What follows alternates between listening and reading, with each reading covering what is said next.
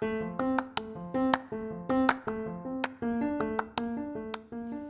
lagi bersama gue Fierce di podcast Setter Reset Karakter. Oke.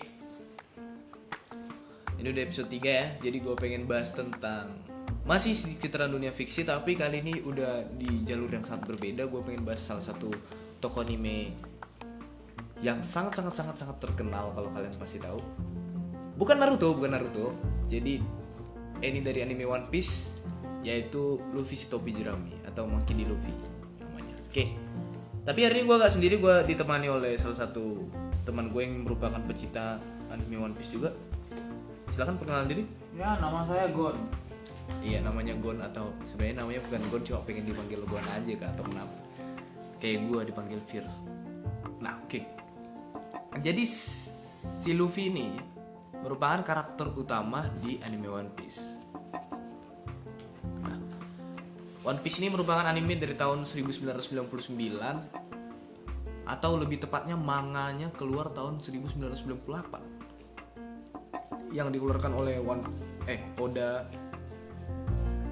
Oda Sensei. Oda Sensei ya. Mungkin orang lebih Iya, Oda Sensei. Iya, tapi nama aslinya kan sebenarnya Ichiro Oda tapi lebih dikenal dengan Oda Sensei. Nggak tahu kenapa. Padahal Oda sendiri yang bilang ya, bahwasanya dia gak suka disebutin Oda Sensei. Gue baca di salah satu inter- eh, gue dia di salah satu interview. Wajar sih dia dibilang Sensei namanya guru. Dia pembuat manga. Nah, oke. Lanjut. Lanjut ke bahasan tentang si Luffy ini. Lanjut dari backgroundnya itu sebenarnya dia dia itu kayak kayak orang-orang yang ada di dunia One Piece itu anak-anak seusia, dia itu semua punya mimpi yang sama. Kalau lo kaitkan dengan kehidupan kita di zaman milenial sini, semua anak-anak yang lo temui itu rata-rata hampir memiliki impian yang sama. Yang juga berkaitan dengan yang tadi gue bilang, yang di dunia One Piece itu mereka pengen jadi raja bajak laut. Nah, si Luffy ini juga memiliki mimpi yang sama dengan anak-anak tersebut. Yang gue putar lagi kalau di kehidupan nyata kita, semua anak-anak tuh pengen jadi dokter. Kalau lu tanya-tanya anak-anak itu ya, selalu jawabannya pengen jadi dokter, pengen jadi pilot, pengen jadi astronot. Padahal padahal banyak pekerjaan di dunia ini yang mereka gak tahu. Lalu muncul ke pertanyaan kedua. Ketika kita udah usia remaja, kita udah mulai tahu lo mau jadi apa. Itu akan lebih bervariasi. Gue mau jadi selebgram misalnya, gue mau jadi arsitek atau gue mau jadi pengusaha, gue mau jadi dokter. Ada yang tetap berpegang teguh pada dokter. Ya. Nah, sama juga seperti di dunia One Piece. Ketika mereka mulai remaja, banyak yang meninggalkan pemikiran tersebut, banyak yang meninggalkan pemikiran tersebut sehingga hanya sedikit lah yang terfilter dari dari mimpi untuk menjadi raja bajak tersebut. Salah satu dari sedikit orang tersebut adalah Luffy. Jadi si Luffy ini tetap berpegang teguh dengan mimpinya. Ini poin penting merupakan ini salah satu poin penting si Luffy ini menurut gua eh, salah satu karakter utama yang banyak digemari oleh orang karena dia itu selalu memikirkan memikirkan temannya. Bahkan ketika logika tidak mampu berfungsi dia tetap memikirkan temannya. Bener gak menurut lo? Nah. Dia pokoknya nggak mau meninggalkan temannya. nah itu dia. Dia gak mau meninggalkan temannya. Kalau kita relate ke kehidupan sekarang yang banyak pemuda pemudi lack of that meninggalkan temannya dan lain-lain karena Uang, karena uang. Lalu karena apa lagi ya? Kemiskinan, karena kemiskinan dan lain-lain. Dan juga karena mau bergaul dengan orang lain. iya nah beberapa poin tersebut mungkin membuat kita kita ini menjadi orang yang lebih privacy atau menjadi orang yang lebih terikat dengan kesepian dan kurangnya pertemanan. Nah di dunia One Piece sendiri Luffy ini merupakan salah satu karakter yang kalau bisa dibilang bodoh sebenarnya. Tapi gue kurang suka kata bodoh. Gue lebih suka karakter gue lebih suka bilang dia eh, terburu-buru terburu-buru daripada bodoh. Kalau menurut lo gimana? Bodoh lah apalagi. Kenapa lo bisa bilang dia bodoh? Bodoh mengambil keputusan sangat cepat yang tidak memakai akal sehat. Nah oke kalau menurut gue gue kurang setuju gue lebih setuju dengan kata terburu-buru tadi ya karena kalau lo lihat terburu-buru dalam hal apa terburu-buru dalam segala hal. Nah, gua karena kalau gua perhatikan itu di ini di anime One Piece sendiri, kalau dia sedang bertarung dengan orang, dia bisa memikirkan strategi-strategi yang di luar pemikiran orang biasa. Mentalnya itu sudah kuat dalam bertarung dan lain-lain.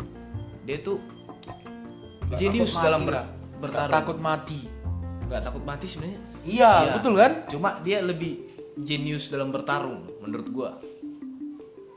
Karena kepintaran setiap orang itu berbeda-beda. Kepintaran setiap orang itu berbeda-beda. Ada orang yang jago bertarung tapi bodoh dalam memikirkan ke depannya kayak Luffy. Dan ada juga orang yang tidak pintar bertarung tapi pintar bernegosiasi kayak salah satu temannya Luffy yaitu Nami. Oke. Nanti bakal gua bahas di segmen hubungan Luffy dengan teman-temannya yang mungkin kalau kalian belum nonton anime One Piece tuh kurang relate. Jadi kalau belum nonton anime One Piece kalian mungkin belum tahu tapi kalau kalian sudah ngikutin cuma dikit doang kayak cuma ngikutin movie-nya doang atau beberapa beberapa episode-nya doang yang atau baru ngikutinnya sejak arc-arc yang di atas episode 500 atau di atas episode 600 mungkin udah bisa bayangin apa yang gue bilang itu. Nah, untuk background kayaknya cuma itu doang ya. Gue rasa nanti kalau hubungannya akan gue bahas lebih banyak daripada. Nah, oke. Sekarang cerita cerita tentang si Luffy ini. Lo kan udah lama ya nonton One Piece. ya? Coba lo ceritain dulu. eh Luffy itu awalnya gimana sih? tinggal di sebuah desa Hmm, Terus? dan dia bersama temannya Shanks dan satu siapa itu aku lupa namanya pokoknya yang menjaga dia dari kecil Makino ya.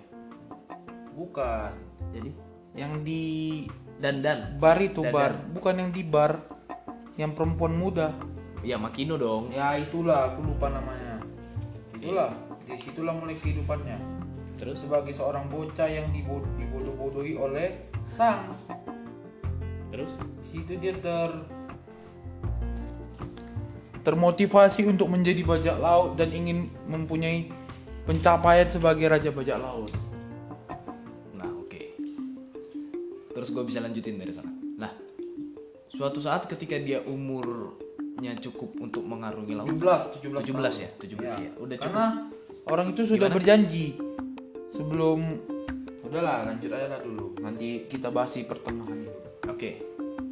Nah, jadi si Luffy ini ketika umur 17 dia memutuskan untuk berlayar sendiri nih, sendiri dan berlayar sendiri yang kebanyakan dilakukan oleh orang-orang atau pemuda-pemuda umur 17 lain atau pemuda-pemuda ketika menginjak umur 17 lain itu melakukan melakukannya gitu. Jadi gue pernah pernah dengar ya, kalau lo mau mencapai mimpi lo, hal yang pertama yang harus lo punya itu adalah eh, Niat niat keinginan. atau tekad tekad itu sangat penting ada lima ada lima tahap yang lo bisa dengerin kapan-kapan nanti gue bakal membahas tentang lima ini. Yang pertama itu pokoknya dia harus nekat nekat. Niat. dia harus nekat menyeberangi lautan sendiri tanpa tahu arah tanpa ada yang menemani dia tanpa ada. Dan dan ini merupakan tantangan yang berat karena dia mengarungi lautan padahal kekuatannya itu membuatkan membuat dia tidak bisa berenang kalau seandainya nih seandainya ada badai aja deh di laut badai terus kapalnya kebalik gitu Kelar sudah. kelar dia udah nggak ada One Piece yang kita tahu sekarang nggak ada anime yang paling legend menurut gue Populer. populer Number one. kalau number one sih gue kurang setuju mungkin Number one. Karena apa? Itu menurutku. Ya menurutmu. Kalau menurut orang-orang kan enggak.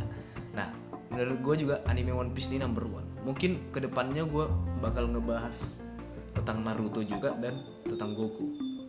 Tapi gue lebih ke One Piece sih. Gue pengen bahas tentang Fairy Tail juga tapi tidak jelas antara karakter utamanya itu adalah Lucy atau Natsu. Yang sebenarnya udah dikonfirm nih itu adalah si Lucy. Tapi gue masih kurang aja iya bukannya Natsu Enggak, karakter utamanya itu adalah Lucy, bukan Natsu. Jadi kalau gue bahas Siapa Natsu yang- rasanya kurang dari afdol. mana dari mana. Bahkan sejak pertama itu si pembuat fairy tale itu siapa ya namanya ya? Hiro Hiro Mashima kalau nggak salah. Hiro Mashima itu bilang karakter utamanya itu adalah Lucy. Bahkan dari awal cerita yang pertama kali keluar itu adalah Lucy, bukan Natsu. Iya Kenapa kalian mem- Tapi- memikirkan si Natsu adalah karakter utamanya? Natsu hanya karakter yang dikira orang utama. karakter kedua lah itu Nah, karena itu gue jadi nggak pengen bahas tentang fairy tale. Gue bakalan bahas tentang Naruto dan Goku Dragon Ball. Oke. Nah, eh, di pembahasan Luffy kali ini, gue pengen cerita tentang eh, dia dengan dengan keper, dengan sifatnya yang kalau gue rasa keras kepala sifatnya itu keras kepala. Tapi keras kepala ini keras kepala ini adalah keras kepala yang yang sangat penting kalau lo ingin sukses. Ya keras kepala ini sangat penting kalau lo ingin sukses. Karena su- karena pernah pernah di salah satu ininya ya di salah satu perkataan yang diucapkan si Luffy ini ngomong eh gue gak peduli kalaupun gue mati saat gue lagi tahapan mengincar mimpi gue gak peduli gitu. Yang penting gue berusaha. Nah, itu sebenarnya bahkan ikhlas untuk mati. Bahkan ikhlas untuk mati ya. Ya. dan dia senang dan menerimanya. Dan dia senang kalau memang dia tidak kuat. Kalau memang dia tidak ya sebenarnya itu konsep yang harus kita tanamin sejak sejak awal banget kalau kita pengen sukses. Kita harus berani kita harus nekat dan kita harus sebenarnya bukan tidak menyerah. Kita lebih tepatnya keras kepala untuk untuk untuk tidak berhenti di jalan. Kalau menyerah kan kayak lo ah udahlah gue gak sanggup gini gini kalau pemikiran Luffy itu adalah 180 derajat dari yang gue bilang tadi. Nah oke. Sekarang gue lagi pengen langsung masuk ke ceritanya di mana nah jadi untuk kalian yang belum nonton One Piece ya di 9 karakter utama atau sekarang udah 10 hmm, itu semuanya pasti memiliki background background yang sedih-sedih banget. Kecuali Big story Iya, maksud gue backstory. Kecuali si Luffy pada awalnya kita kira. Tapi setelah sekian lama sekian lama, ini bagi yang belum nonton One Piece, spoiler warning. Setelah sekian lama sekian lama, akhirnya dia kena juga salah satu backstory sedih itu yaitu abangnya meninggal. walaupun back story dong itu next story dong kan dari awal kita tidak tahu dia Hmm. backstorynya dari keluarga bagaimana Hmm. kalau backstory itu kan yang cerita masa kecil Iya. sedangkan itu cerita masa depan Maksud gua backstory efeknya itu bahwasannya mereka semua memiliki masa lalu sedih, masa lalu yang suram itu jadi ketiban ke Luffy. Karena gua rasa itu adalah akibat keterpaksaan bahwasannya setiap member di anggotanya si Luffy ini harus memiliki background sedih. Gua rasa seperti itu. Walaupun nanti nanti kemungkinan besar nanti bakalan diungkapkan eh, masa lalu masa lalu dari para anggotanya si Luffy ini. Nah, yang mau gue petik dari anime One Piece ini adalah sebenarnya inti dari anime One Piece ini persahabatan, persahabatan dan kita lihat bagaimana seseorang yang nekat atau gila bisa dibilang gila dong kenapa nih?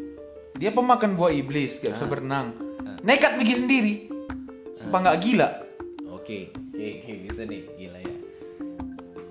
Ya pokoknya, pokoknya gitu deh. tapi gue merasa ada per- perkembangan di karakter developmentnya si Luffy ini sendiri Ada dong, dapat sponsor. Hai. dapat sponsor itu tidak dong itu kan Pasti sponsor dong. Bahkan Oda sendiri pernah bilang bahwasannya semua anime itu adalah produk yang silakan kalian nikmati sedemikian rupa itu adalah produk semua itu adalah produk itu Iya, tidak nyata karakter tuh silakan kalian nikmati silakan ceritanya kalian hayati dan silakan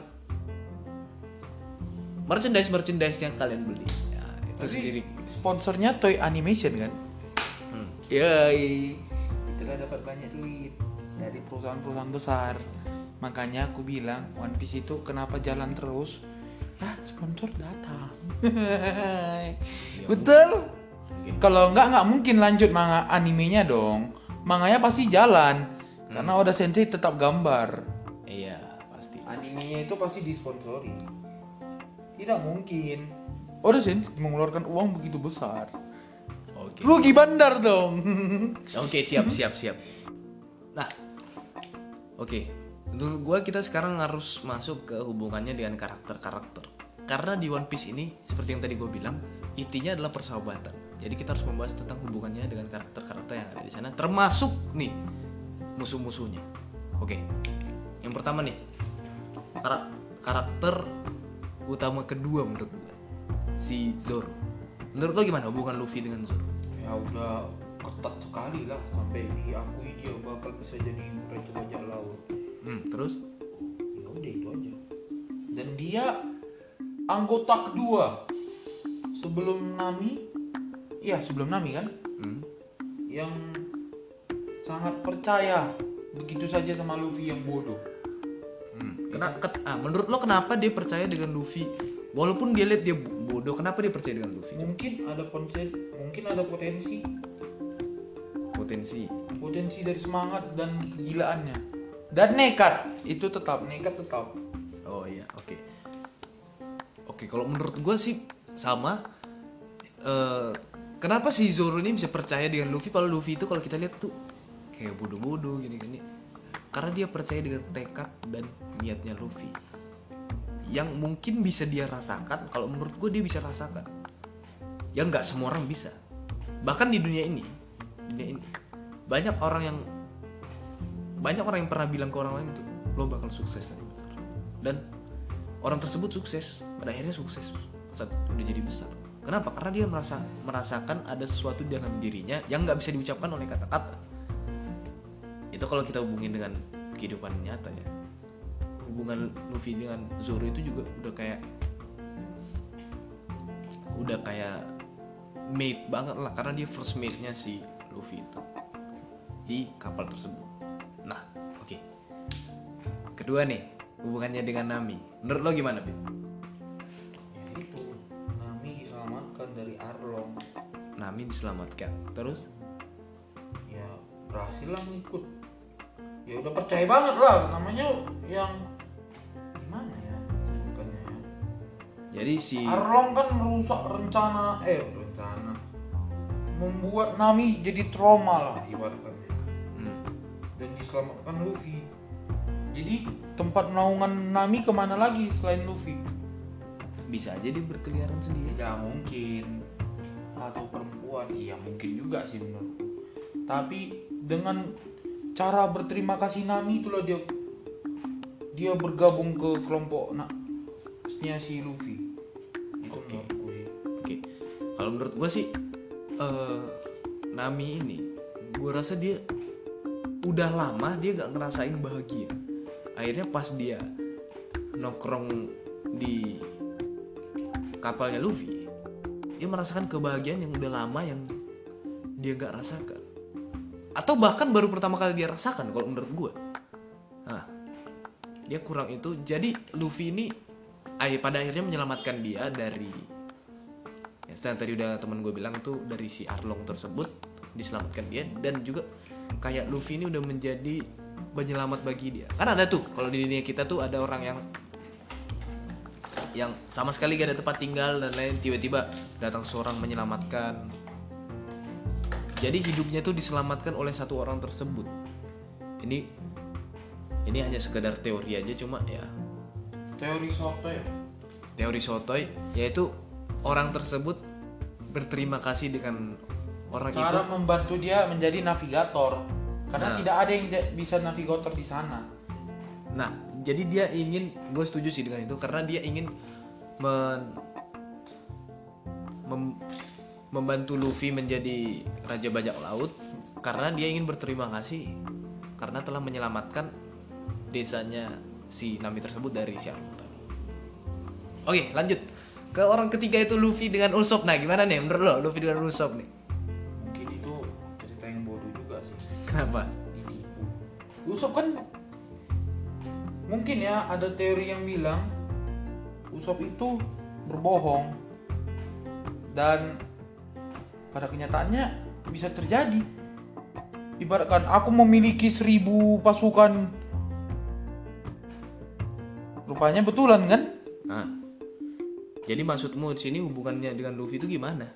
menurutku hubungannya dengan Luffy ya sama-sama bodoh dan Sama-sama sama-sama berpikir anak-anak ibaratkan pencipta robot eh pencinta robot seperti Frankie muncul Hmm. kan excited sekali sama chopper orang itu tiga Hmm, benar, benar.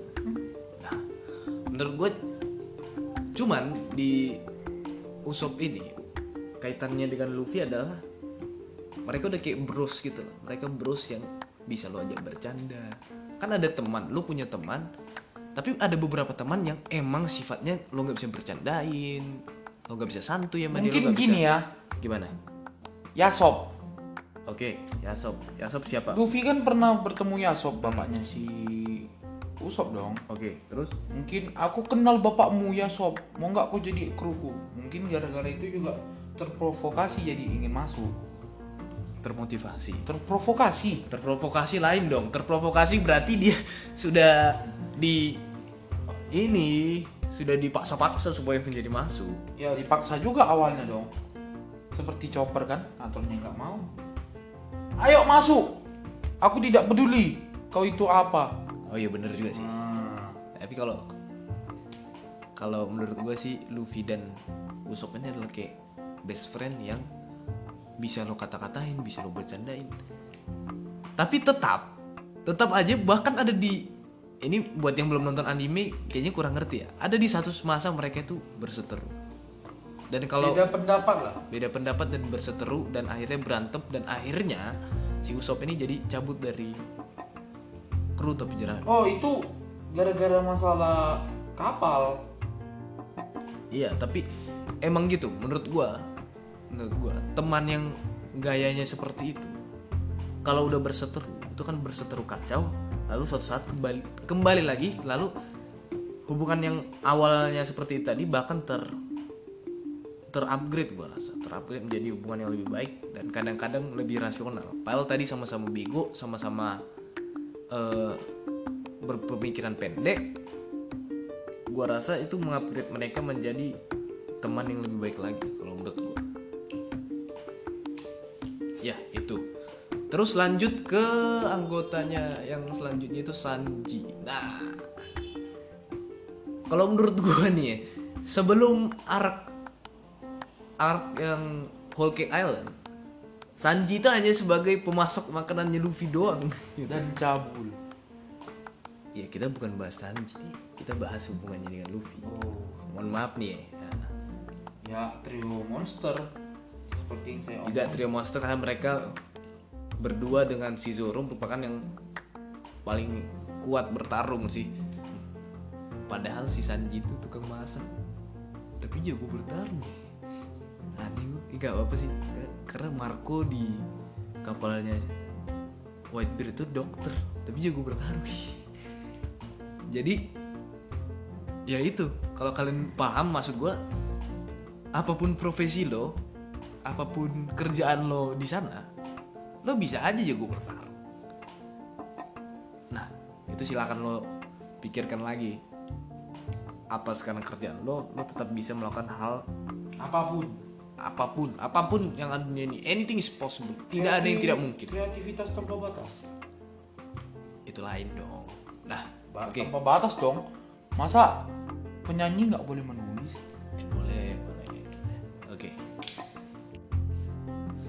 Nah, ada benerannya sih.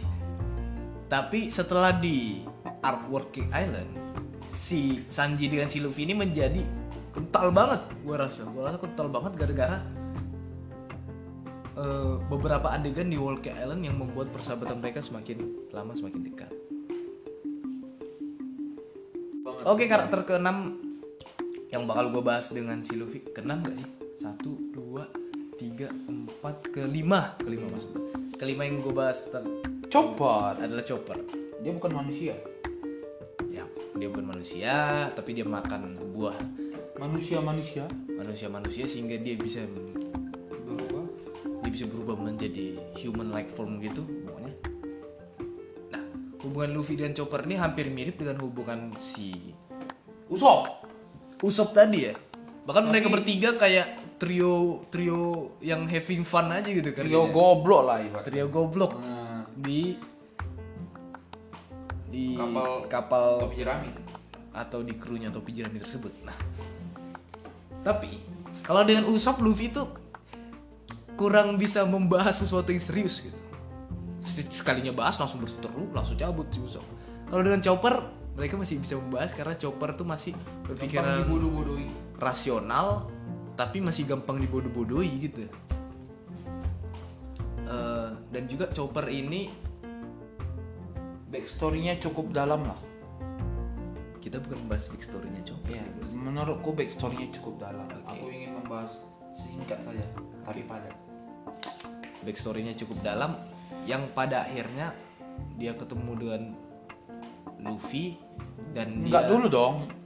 Jumpa nenek-nenek itu dulu dong. Yang iya maksudnya pada Eh, akhirnya dia ketemu bukan nenek-nenek sih, dokter Dokter apa namanya itu?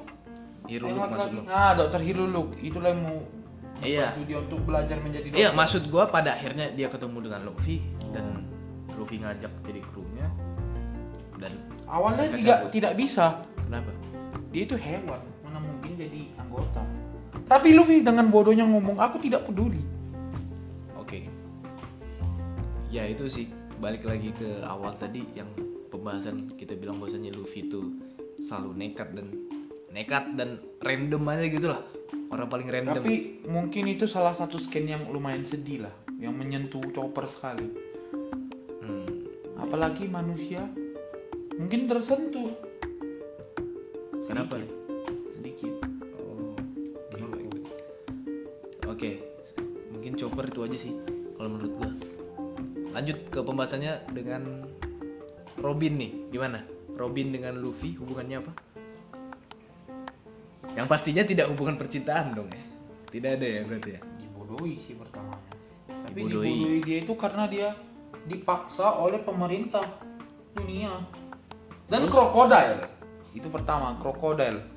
Terus bagi bagi si Luffy ini Robin tuh apa? Kalau Robin memanfaatkan dia nih, Ya, ya arkeolog. Arkeolog Ya. yang Ingenius lah. Dia sa- karena dia salah satu orang yang manusia dengan suku u- ur- apa suku apa itu namanya lupa kok. yang Suku Ohara yang salah satu suku yang selamat dari kota kota apa namanya? dari Pokoknya kota kecil untuk membahas prasasti kuno. ah, Ra- Orang itu dimusnahkan supaya tidak membocorkan rahasia pemerintah. Dan dia salah satunya yang selamat. satu-satunya. Nah, salah satunya orang yang selamat. Satu-satunya. Iya. Salah satunya berarti ada dua dong atau tiga. Kan sa- satu-satunya. Iya. Ya satu orang saja dong. Iya tadi lo bilang salah satunya. Satu-satunya. Gua kira lo satu-satunya tadi. Nah, jadi yang pada awalnya si Robin ini cuma memanfaatkan si Luffy. Sekarang dia jadi jadi sangat sangat berhutang budi lah kepada si Luffy karena menyelamatkannya sampai sampai hancur-hancuran lah tim Sampai- jerami itu gimana? Menentang pemerintah. Sampai menentang pemerintah sampai hancur-hancuran World government, ya kan? world government. Nah, singkat saja. Lebih singkat atau salah nih? Lebih singkat dong. What govern apaan? What govern? What government? gas gas lanjut lagi Oke. Yang tadi itu sih dia sangat berhutang budi dengan Luffy jadi dia sebenarnya kayak Nami cuma versi lebih dalamnya daripada Nami. Karena juga Robin nggak tahu harus mau ke mana, terpaksa dia join si Luffy. ya hampir sama kayak Nami Oke, lanjut ke hubungan si Luffy dengan Frankie. Frankie Gimana menurut lo? agak konyol sih Kenapa? cara masuknya Frankie itu dibuka kolornya Iya. emang cara masuknya emang agak konyol gue akui kalau lo nonton anime itu agak konyol. Tapi coba kita bahas tentang hubungan Luffy dan Frankie itu gimana coba? nggak tahu sih jarang ngomongan orang itu kan Karena memang Frankie ini ya, karakter Frankie ini paling jarang berhubungan dengan anggota. dia paling sering berhubungan itu dengan Joro Hmm. soal besi-besi karena dia kan tukang kayu Hmm. Zoro kan sering meminta bantuan untuk memperbaiki katananya Hmm. ya tanya Joro aja Iya. Maksudnya kalau hubungannya dengan Luffy itu gimana? kurang kurang tahu aku Karena memang paling jarang jarang di jarang terbacok lah dia jarang diungkapkan tuh adalah hubungan si Luffy dengan si. Frankie. Padahal yang singkat aja awalnya itu Frankie itu adalah musuh si Luffy. Pada akhirnya si Luffy ini percaya dengan si Frankie buat jadi si pura puranya. Buat menjadi yang tukang perbaiki kapalnya lah istilah kalau bahkan kasarnya. membuat kapalnya yang baru Membuat itulah kapalnya baru. itulah kenapa Usop dengan Luffy Reco tidak mau seharusnya Itu cerita pada Usopp yang tadi ya. Iya. Jadi hubungan si Luffy dengan si Frankie ini kalau menurut gua ya tersiratnya adalah si Frankie ini eh, percaya banget dengan si Luffy. Pokoknya sebenarnya semua semua di anggota itu percaya banget dengan si Luffy ini. Tapi menurut gua beberapa orang yang sangat percaya itu adalah Zoro, si itu paling itu paling Zoro, terus si Frankie menurut gua semua sih dan si Robin. semua sih Kalau menurut gue yang paling tidak percayaan dengan si Luffy adalah si Sanji. Kenapa menurut gue Sanji tidak percaya dengan si Luffy? Kalau dia percaya dengan Luffy, dia tidak akan pergi ke tempatnya Big Mom tadi atau Wolke Island. Dia pasti percaya dengan kaptennya bisa ngebantai anggotanya si Black eh anggotanya si Big Mom dan dia tidak perlu pergi. Dia masih kurang percaya, dia masih kurang percaya dengan kemampuan Luffy, lalu dia pergi. Dia masih kurang percaya. Walaupun sebenarnya intinya baik, intinya baik. sebenarnya kan dia mau menyelamatkan bapak angkatnya dia bukan bukan tidak percaya dengan Luffy dia tidak mau mengganggu anggotanya ya dia lebih bagus mengorbankan dirinya untuk bapak angkatnya bukan tidak percaya betul nggak Iya sih, mungkin gue masih setuju sih kalau dengan yang eh, ayah angkatnya itu. Tapi gue rasa dia masih kurang percaya karena menghadapi suatu yang mustahil buat dilawan sih. Tapi kalau Zoro lawannya itu. Yonko dan Luffy hanya Rocky Walaupun begitu kalau Zoro yang berada di posisi Sanji, gue rasa dia percaya percaya aja bisa mungkin sih tapi terakhirnya ceritanya lari juga kan Hmm. nah mungkin suatu saat Luffy bisa mengalahkan Bimom kalau dia berlatih lebih keras. Kekuatannya itu hanya setara dengan dengan si Cibukai lah. Si Cibukai agak atas ka, agak lebih tinggi lagi itu mungkin lawannya sudah mungkin lah cukup kuat dia untuk melawan si Cibukai Admiral mu, tidak mungkin sebenarnya menurutku tapi Itu di, saja di kemudian hari mungkin ya. Mungkin kalau berlatih lebih keras. Apalagi Atau kalau apalagi kita lihat di Wolke Island itu. Dia sudah mengeluarkan gear 4. Eh gear 4 sih melawan siapa ya? The Flamingo pertama.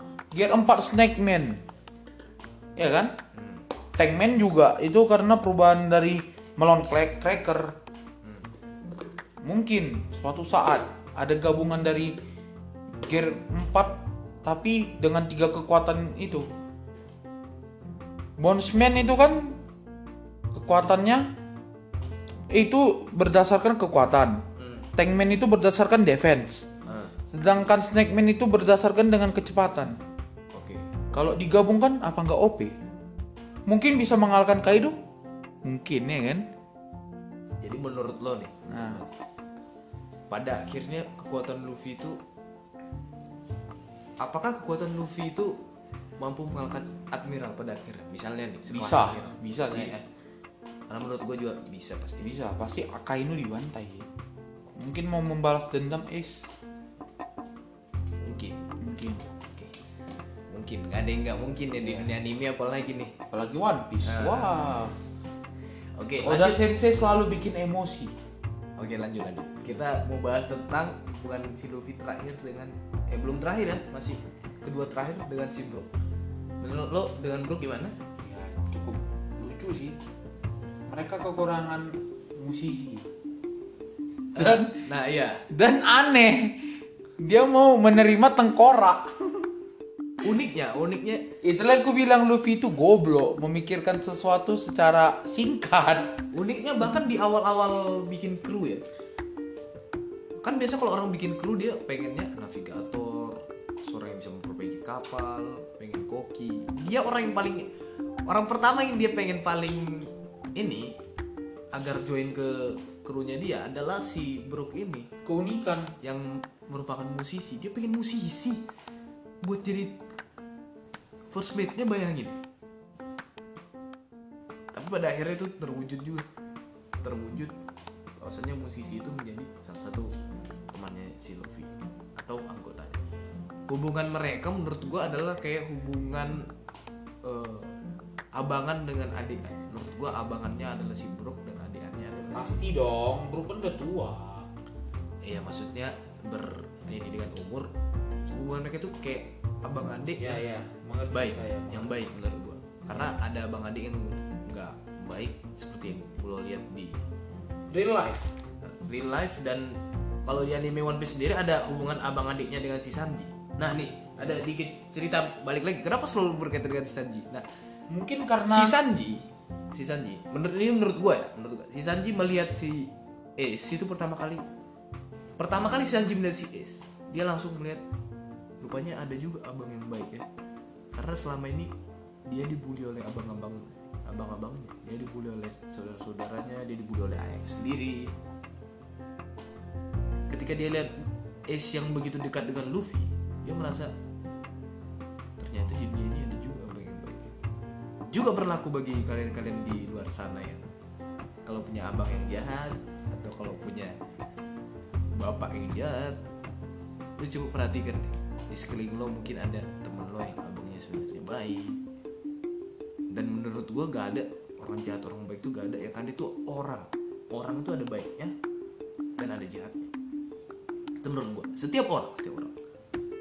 Setiap orang dunia ini bahkan bahkan orang yang paling baik seni- sedunia ini pun tetap ada jahat bahkan orang yang paling jahat sedunia teroris-teroris tetap bahkan ada kebaikannya. Walaupun belum kita lihat. Itu hanya singkat aja sih. Oke. Mungkin itu aja sih dan bro. Dan Brook juga percaya dengan Luffy semua karakter semua karakter yang gue bahas tadi itu percaya dengan si Luffy Jinbe.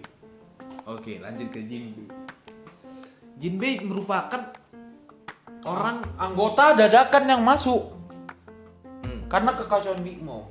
oke tapi menurut gue Jinbe itu orang yang paling pemikiran terbuka Bukan pemikiran terbuka sih seharusnya.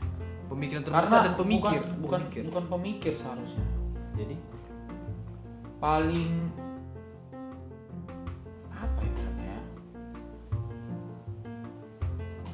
Paling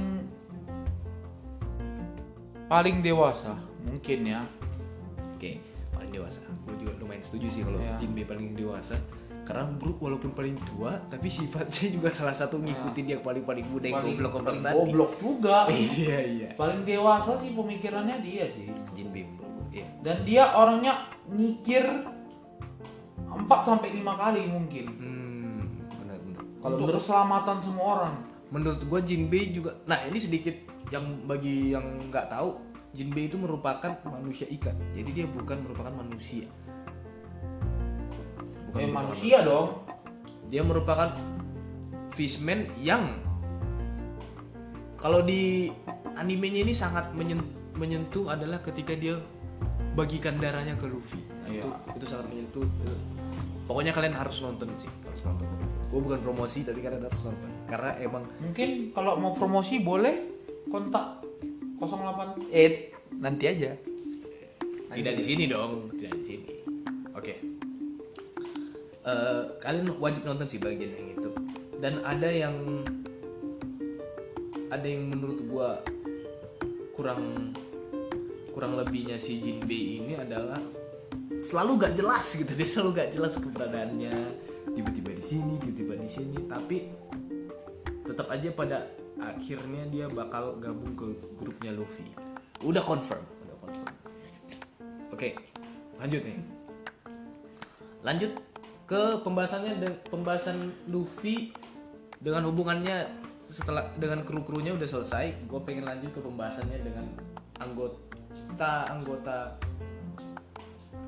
keluarganya atau sebenarnya satu aja sih sebenarnya yang pengen gue bahas. Yang lainnya karena udah agak mainstream dan agak agak kurang seru juga dibahas sih. Kalau menurut gue dengan A saja yang sebenarnya bukan keluarganya sebenarnya bukan keluarganya. Yang sebenarnya mereka brothers by sake brothers by sake ya mereka Sama Sabo sih. sama Sabo cuma Sabo harus dibahas juga sih. kalau menurut gue sih enggak karena Sabu masih kurang chemistry jadi dengan menurut gue karena belum belum belum klop belum satu area arena dengan Luffy walaupun udah ya di Dressrosa kemarin udah satu arena cuma belum terlalu klop jadi kita skip aja langsung ke si Ace aja. menurut lo gimana hubungan Luffy dan Ace Ya udah udah dekat kali lah. Karena kan Sabo tiba-tiba menghilang. Dia pikir orang itu mati. Ya udah orang itu dua lah. Yang hmm, bisa. yang paling dekat. Terus saat si Ace mati gimana Ya udah gitu sedih. Dan Oda Sensei tega. kenapa tiga Mana tahu dia punya mana? Dia punya punya pemikirannya. mungkin dia mungkin dia bukan tega mungkin itu memang Jalur eh, ceritanya, udah udah pasti itu jalur ceritanya. mungkin dia memang eh, harus iya harus memantik. harus sih mungkin harus membuat Ace itu meninggal di saat itu. Kalau menurut gua sih seperti itu dia membuat manga. kalau menurutku sih gak usah juga digituin Kenapa? nggak tahu lah menurutku gak usah lah Karena apa? Menurutku- Pada pasti ada alasannya dong. Coba. enggak sih menurutku kalau lebih cocok cuma si Rege sih yang mati menurutku Lebih cocok cuma Shirohige yang mati. Oke. Karena mungkin dia lebih penting sih lebih penting karena sekarang ceritanya udah mengarah mengarah ke keluarga D eh mungkin kalau S masih hidup hmm, terkuak lah semua misteri abad kekosongan karena mereka punya Oke. kekuatan S yang lebih kuat Oke. Menurutku. Oke. Gue bisa tangkep sih yang bagian itu. Oke, jadi menurut gue sih eh, Luffy itu sangat penting buat Ace dan Ace itu sangat penting buat Luffy menurut gue. Karena di masa lalunya itu mereka kesepian. Kesepian mereka perlu kesepian, mereka menemukan each other jadi mereka lebih lebih kompak aja. Menurut gue. Jadi mereka berteman saking teman saking dekatnya itu mereka bahkan menjadi saudara untuk itu yang bisa gua bilang sih dari hubungan Luffy dan Ace ada tambahan lagi dari Luffy dan Ace udah itu aja. Itu aja ya oke. Lanjut ke Luffy dengan Shanks Luffy dengan Shanks. Yaitu Luffy dengan kalau gue bilang mentornya nggak bisa juga dibilang mentor sih. Menurut lo gimana? Menurut lo gimana? Bisa dianggap kakak tertua. Sih terus kak tertua karena? Ya itu yang memotivasi si Luffy untuk pengen menjadi laut Hmm, benar benar benar. Karena dia yang ini ya, dia yang jan- berjanji ya si Luffy ya, pada si Shanks ya. Karena ada di tahapan hidup seseorang bahwasannya si bahwasannya pasti ada seorang yang memotivasi lo untuk menjadi lebih baik. Lo berjanji lo bakal lebih baik karena orang tersebut orang itu adalah Shanks buat Luffy. Jadi jadi siapakah Shanks di kehidupan kalian masing-masing itulah kalian harus mencarinya seorang untuk di dikejar menurut gua itu sangat pembahasan sel- selesai sekarang bahas ke romansanya. Sebenarnya Luffy banyak dicintai wanita ya. Selalu banyak dicintai wanita gak sih? Vivi terus Princess Shiroi Princess Shirohashi terus banyak deh pokoknya.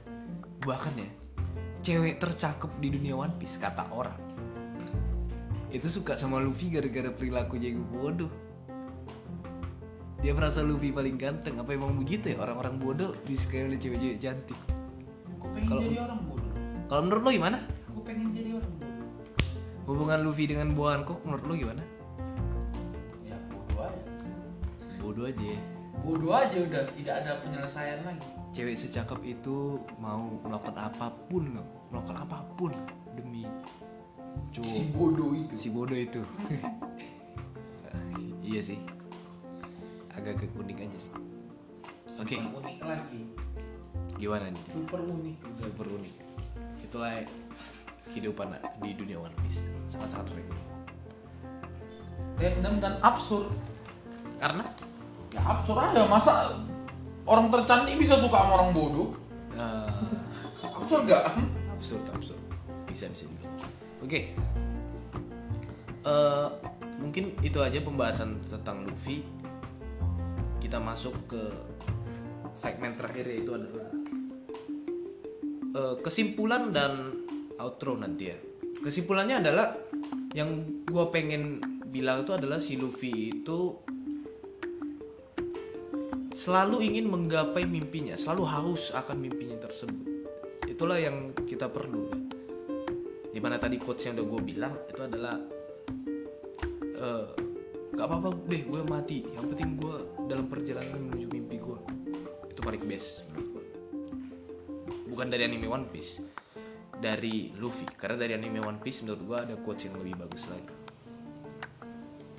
Yang itu adalah quotesnya Ace yang eh, dia bersyukur dia orang paling bersyukur di kehidupan itu karena dia bisa masih hidup I don't wanna live a thousand years just living through today is enough menurut gue itu adalah quotes yang paling the best yang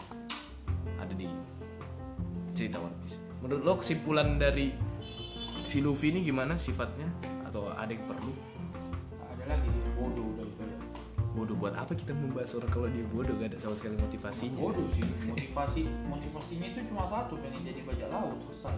oh jadi dia bodoh karena memiliki satu mimpi yang dia ini doang ya? Enggak, bodohnya itu karena terlalu ngambil terlalu gampang mengambil keputusan. Hmm, terus Bodoh dalam hal berpikir mengambil apa namanya? Kru. hmm, terus Ya udah itu aja. Ada ada lagi sih cuma aku susah disebutkan. oke Bahkan dia bodoh lah udah. Hmm, Mendeskripsikan dia bodoh secara pemikiran, tapi kalau di perang dia dia itu paling pintar. hmm, oke oke. nah oke jadi lanjut ke outro makasih udah ngedengerin podcast setter episode 3 kali Outro ini itu apaan?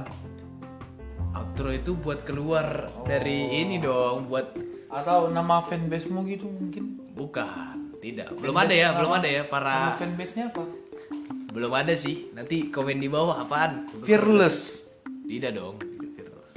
Nah, jadi makasih lagi sekali lagi buat yang udah dengerin kami di podcast hater. Gue mungkin akan ngajak beberapa orang lain lagi buat collab lagi, eh, buat ngebahasin karakter-karakter yang menurut gue cocok buat dibahas dengan mereka.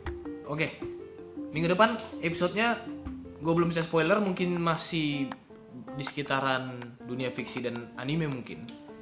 Eh, jangan lupa pantengin terus podcast setter di pengumumannya akan gue tetap sampein di Twitter akan remindernya gue tetap sampein di Twitter atau kalau ada yang mau request request bisa langsung aja komen di YouTube atau IGTV atau di Twitter atau bisa langsung kirim email di risetkarakter@gmail.com oke. Gue rasa itu aja. Sekian dan gue Firs. Kon. signing out